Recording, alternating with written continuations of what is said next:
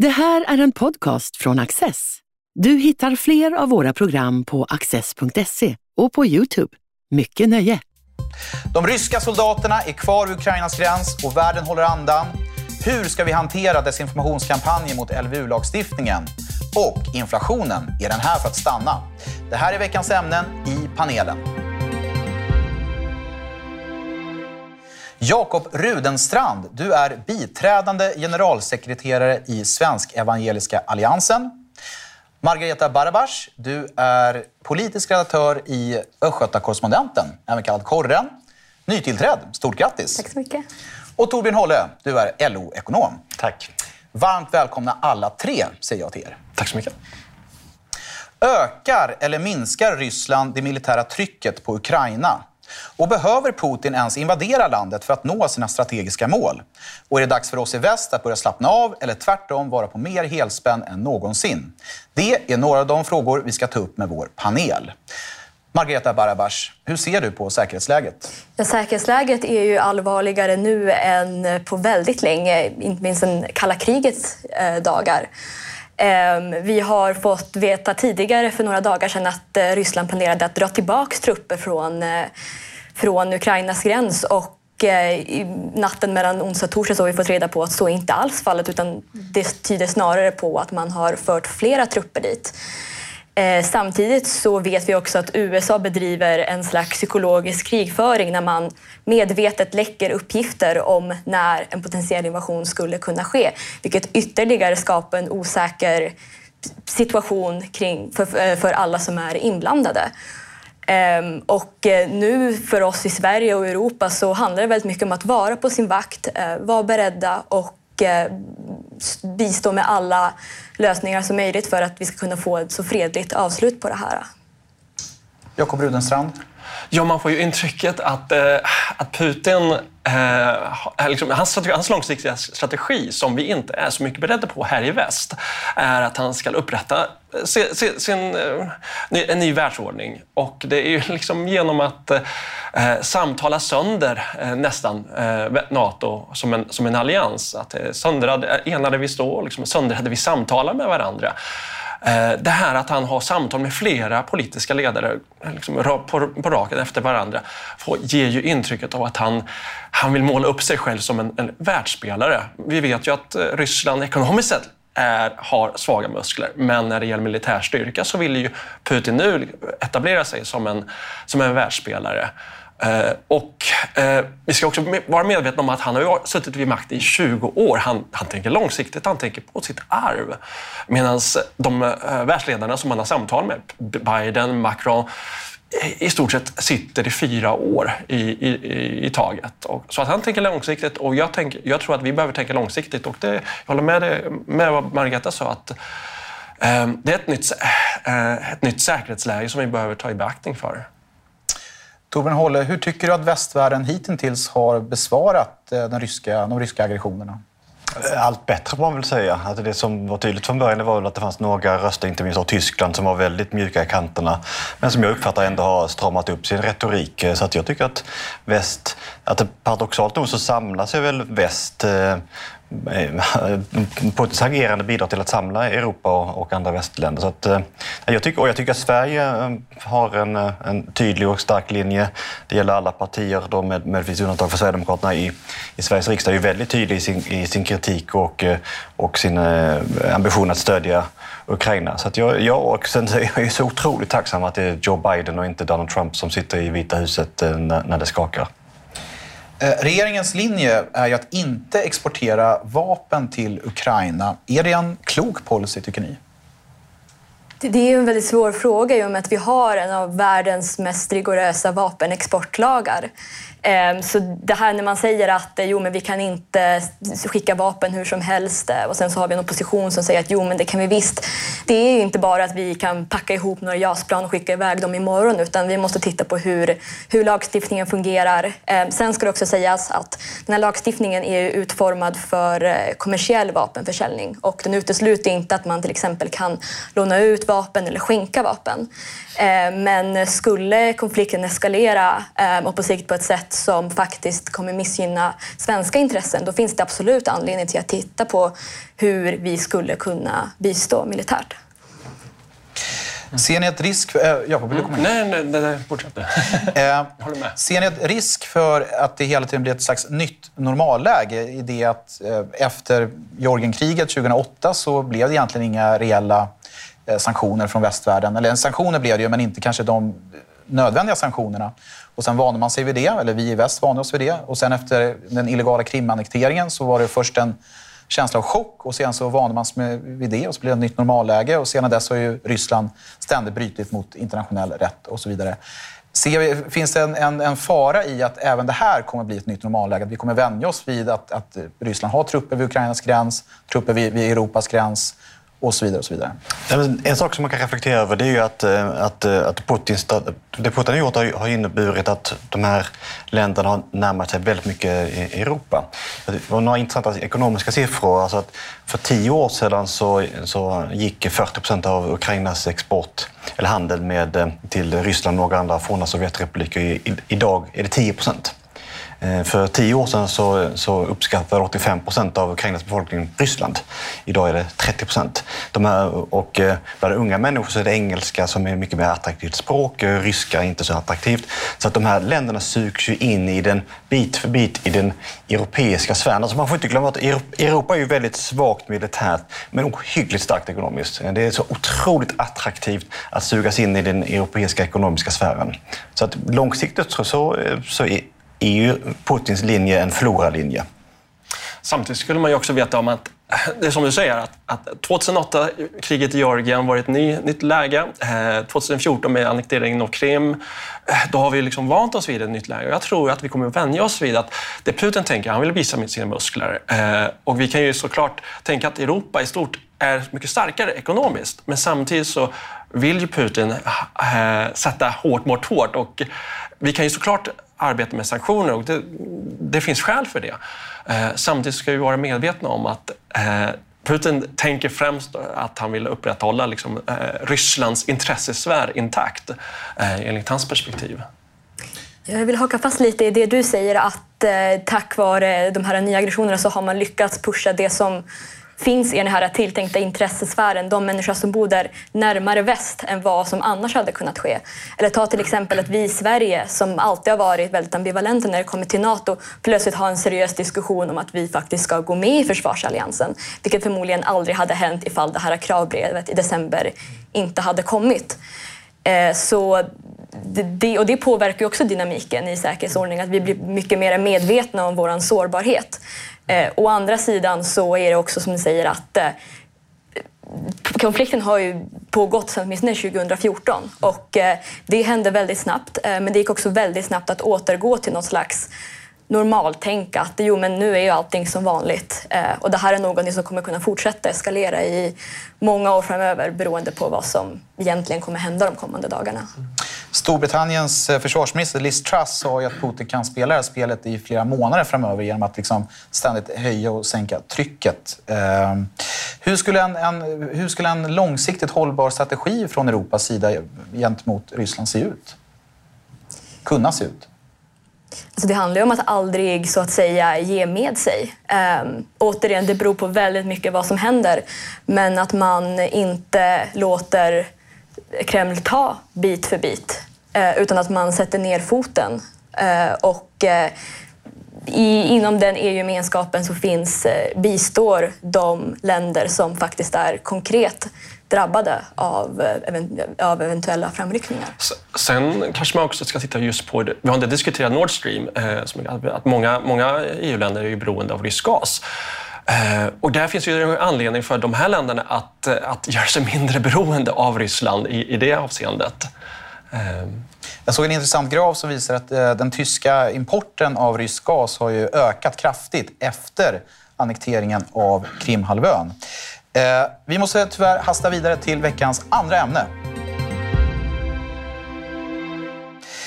Sociala medier som Facebook, TikTok och Twitter sprider radikala islamister rykten om hur svenska myndigheter kidnappar barn och tvingar dem att omvända sig till kristendom. Något som stiftelsens Dokus Sofie Lövenmark var först med att rapportera. Lögnerna har fått stor spridning globalt och i Stockholm och Göteborg har demonstrationer mot LVU-lagstiftningen anordnats.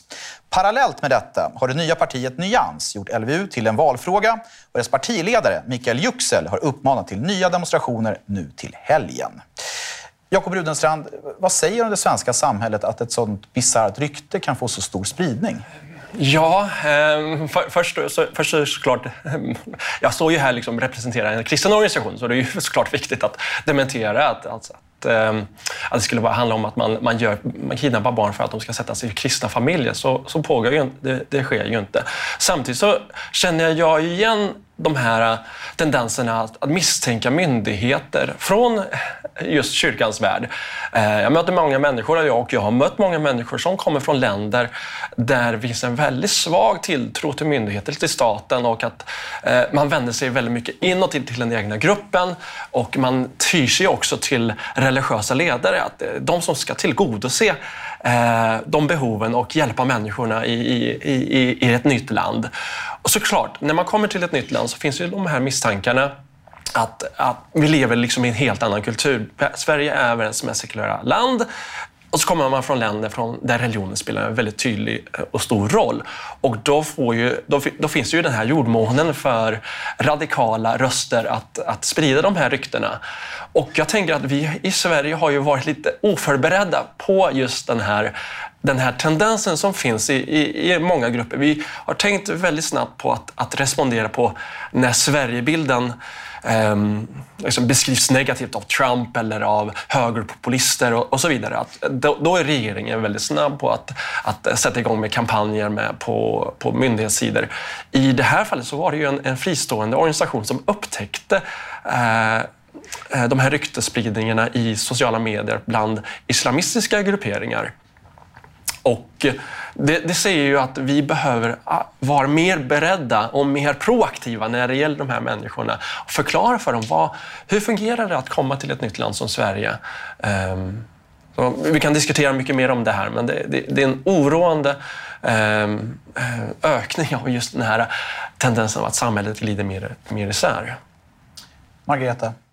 Ja, eh, det är ju ett tydligt tecken på att vi har en djup och omfattande segregation i vårt land.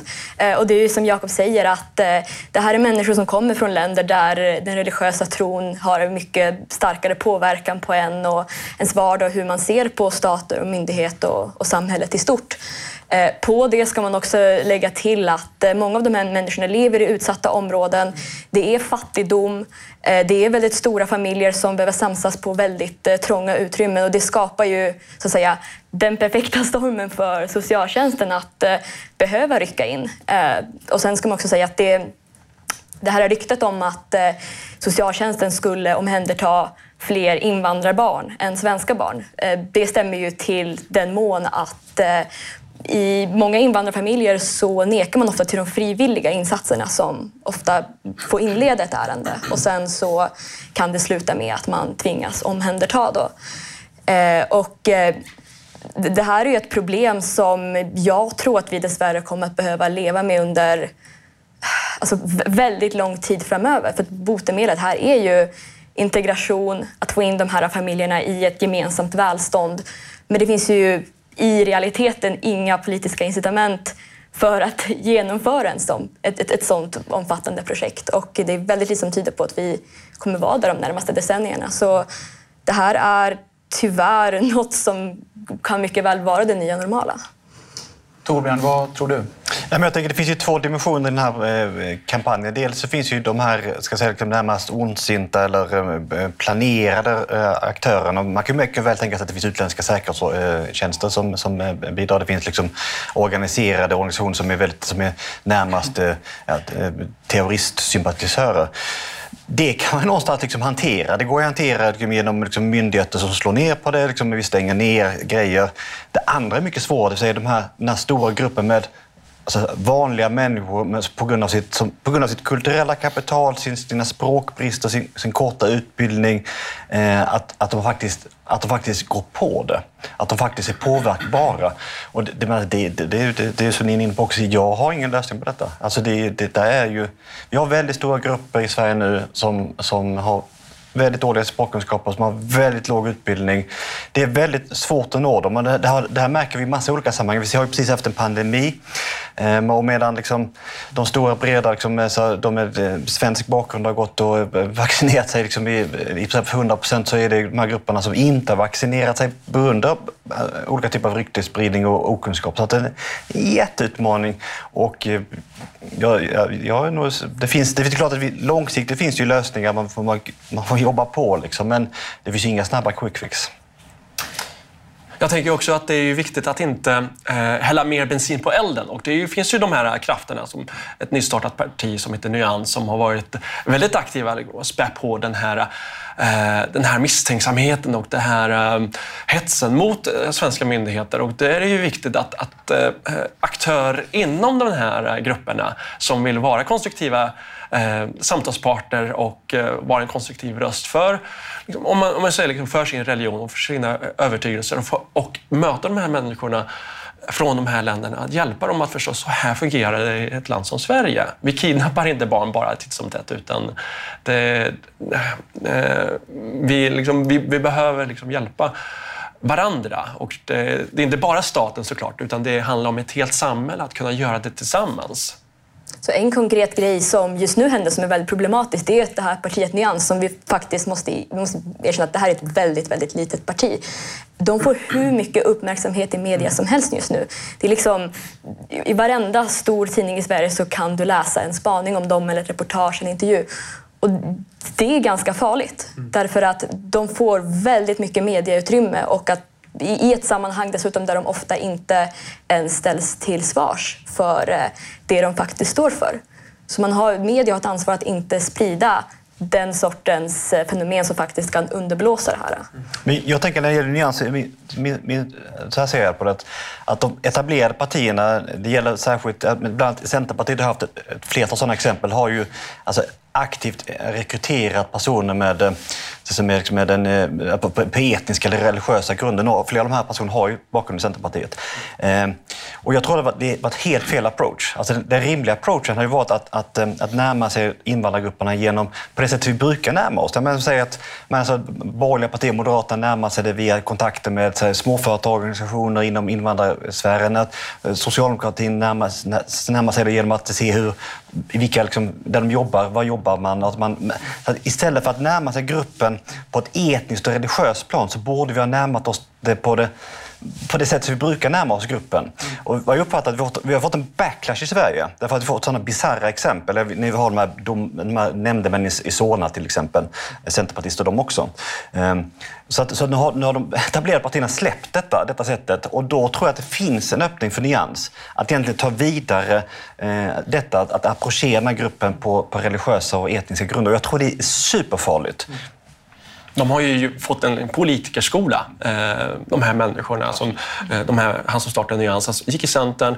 Det är också andra människor som har varit med i Miljöpartiet och andra partier som eh, har fått kunskapen och know-how hur man ska agera politiskt och kunna sedan vända det till, till sin fördel nu när de har blivit uteslutna. Så att jag tror att många partier behöver vara självkritiska i hur man har själv skapat den här utbildningen, eller utvecklingen. Partiet Nyans och dess partiledare har ju fått kritik från Gulan Avci från Liberalerna bland annat och Göran Greider också uttalat sig kritiskt i en, i en ledare i Dala-Demokraten.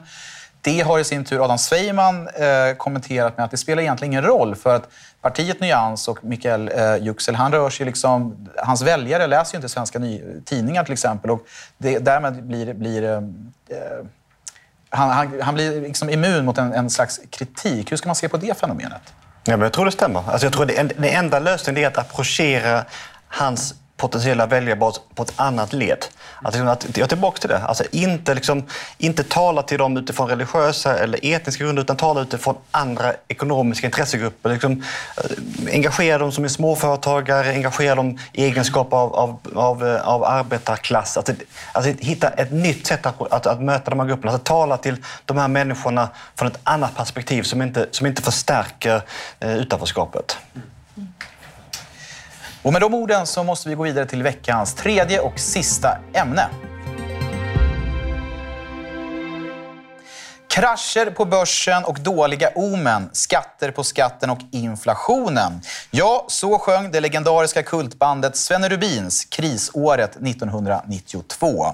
30 år senare ser vi hur inflationen åter tar fart i stora delar av världen. I USA är den på rekordhöga 7,5 procent. I euroområdet och Storbritannien är den på drygt 5 procent. Och här i Sverige 4 procent. Men varför är alla så oroliga över inflationen och finns det grund för denna oro i Sverige? Torbjörn Hållö, det här känner jag på mig är ett ämne för dig. Men innan du sätter igång, kan du förklara vad är inflation och varför är det så dåligt?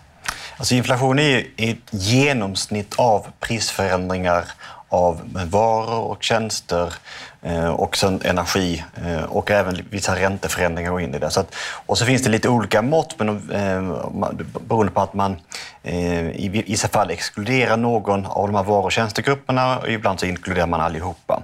Och man mäter ofta, I Sverige så mäter man ofta liksom på 12 månader, det vill säga hur jämför med månaden för, 12, för, för, för ett år sedan då, hur priserna har förändrats. Och vi har ju sedan, eh, sedan 30 år tillbaka en idé ungefär om att vi ska försöka hålla inflationen på 2 och eh, Det har vi därför att eh, vi tror att att det är bra för prisbildning och lönebildning, både för företag och arbetstagare, att, att, att, det liksom, att inflationen är förutsägbar. Att man he, egentligen går det ut på att man inte ska behöva bry sig om inflationen. Inflationen ska vara så pass förutsägbar så att man aldrig ska behöva liksom tänka på den. Och det gör att man liksom, lönebildning fungerar bättre och att investeringarna allokeras till, till rätt plats. Ungefär så.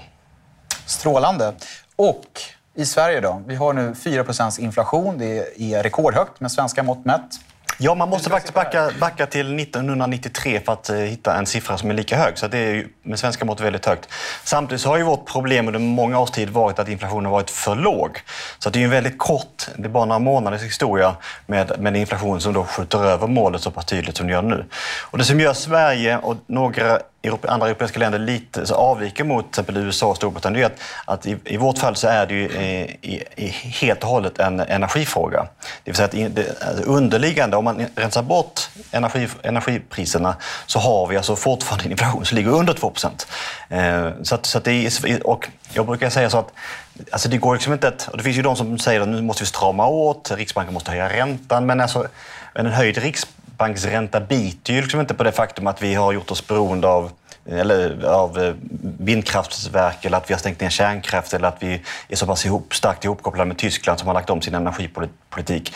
Så att ja, än så länge så är eh, den svenska inflationen en energifråga. Men så ser det inte ut i andra länder. Och det är inte omöjligt att, att vi allt mer ser av en, en bredare inflation i Sverige. Men, men, men än så länge så är vi inte där. Och vilka politiska implikationer följer av att det faktiskt är energin då som driver på inflationen i Sverige? Ja, jag tycker att, att, man, att man just ska fokusera på energin. I och med att eh, eh, alltså, svensk inflation är en energifråga, vilket logiskt är då att ägna sig åt energipolitik.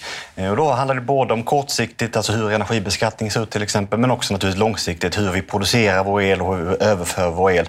Jag tycker att det är där vi ska policy mässigt ska diskutera. Sen kan det vara så om ett par månader att, att, vi, att vi inser att nej, inflationen blir bredare, vi behöver liksom ha ett bredare samtal om inflationen. Men där är vi inte än så länge. Det finns ju viss oro från arbetsgivarsidan att eh, det kommer ökade lönekrav som i sin tur kommer spä på inflationen ännu mer. Finns det någon grund för dem, den oron? Nej, det tror jag inte. Alltså, jag tror att, alla, kommer, alla kommer utgå från... Om, om det inte händer något väldigt oväntat med inflation så kommer man utgå från inflationsmålet, det vill säga de här 2 procenten. Det är både arbetstagarsidan och arbetsgivarsidan angelägna om. Det som däremot kommer hända det är, det är att det kommer inträffa något som heter löneglidning, det vill säga löneökningar utöver avtal. Och det tror jag det, kom, det har vi redan sett lite grann av, vi kommer se lite mer om, inget dramatiskt tror jag. Det vill säga att man på arbetsplatser begär en liten extra dusör eh, nu under våren, alltså utanför avtalen. Men jag tror att det kommer vara eh, viss ökad eh, exempel på detta, men fortfarande inga liksom, det, det är inget som kommer pressa upp inflationen den vägen. Läge för löneförhandling, eller vad säger du Jakob Runenstrand? Ja, jag kanske ska ta en diskussion med min arbetsgivare. Men jag tänker också att det här är ju en sån fråga som eh, inte minst drabbar eh, människor som är resurssvaga och människor med, med eh, låga löner och tar, de som arbetar på de här låglönejobben. Eh, vilka krafter har de bakom sig? Eller vilka muskler har de bakom sig för att kunna förhandla med lön och på så sätt så kanske de slantrar efter när resten av samhället har sina löneförhandlingar och som pressar upp priserna i sin tur, som pressar upp lönerna i sin tur. Så det, jag tror att det kan finnas en risk här att, att det kan öka segregationen ännu mer. Eh, samtidigt som såklart, vi ska ju eh, ha huvudet kallt och eh, hoppas, på, såklart, hoppas på det bästa. Men jag, jag, jag ser det framför mig, ett sånt här scenario där det finns den, den här risken. 1970 och 80-talet präglades ju av hög inflation och också höjda löner för den delen. Men det spelar inte så stor roll eftersom värdet på pengarna stadigt minskade. Eh, Margareta Barabash, ser du ett sådant scenario som att det kan komma tillbaka? Ja, det, det, det beror väldigt mycket på. Eh, det är som eh, Torbjörn säger att eh, Huvudanledningen till varför det här överhuvudtaget sker är energipolitiken, eh, så fokus bör rimligtvis ligga där. Eh, sen så ser vi även att priserna på mat höjs och eh, åter det beror dels på de höga energikostnaderna och det faktum att det har uppstått flaskhalsar på världsmarknaden i och med pandemin. Då. Mm. Samtidigt så kan vi också se att eh, ekonomin i Sverige är relativt god. Eh, tillväxt, vi har, den funkar som den ska och eh, vi spås gå in i en mjuk högkonjunktur. Eh, så det, det, finns anledning till att sitta ner i båten och fokusera på där vi faktiskt kan göra någonting, nämligen då energipolitiken. Och då skulle man till exempel kunna komma med eh, lägre skatter. Eh, jag skulle vilja gå tillbaka till USA, den här otroligt höga inflationen på 7,5 procent. Eh, vad är det som händer i USA? Ja, men I USA så har du andra komponenter också. Dels har, har Dels har man ett sånt enormt eftersatt eh, löneökningstryck bland låginkomsttagare. Alltså, vi pratar USA så har ju låginkomsttagare inte haft reallöneökningar på 40 år. Så, det, så, att, så att, liksom, nu ser vi liksom ett tryck upp från den gruppen. Så det, det är en faktor. Som, man är, något motsvarande har vi inte i Sverige. Så jag tycker att på många sätt är Sverige väldigt olikt USA. Eh, USA har ingen centraliserad eh, lönebildning, det vill säga att, att lönerna svänger mycket mer liksom, i, med, med konjunkturen. I USA har du också ett fenomen där, där folk har lämnat arbetsmarknaden i, i större utsträckning än vad man har gjort i Europa av, av olika skäl. Och i USA så för man en, en, en mycket mer expansiv finanspolitik än vad man gör i, i Sverige. Så, att, så att det, finns, det finns många skäl att tro att, att det som sker i USA är inte eh, översättbart till svenska förhållanden. Därmed inte sagt att delar av det kan spilla lite grann över för Sverige. Så man ska liksom vara ödmjuk och inse att saker kan förändras, men vi är väldigt olika ekonomier. Och med de orden så tackar jag veckans panel. Stort tack för att ni har varit med och stort tack för att ni har tittat. Du har just lyssnat på en podcast från Access. Du vet väl att vi också är en tv-kanal och tidning? Teckna en prenumeration idag på access.se.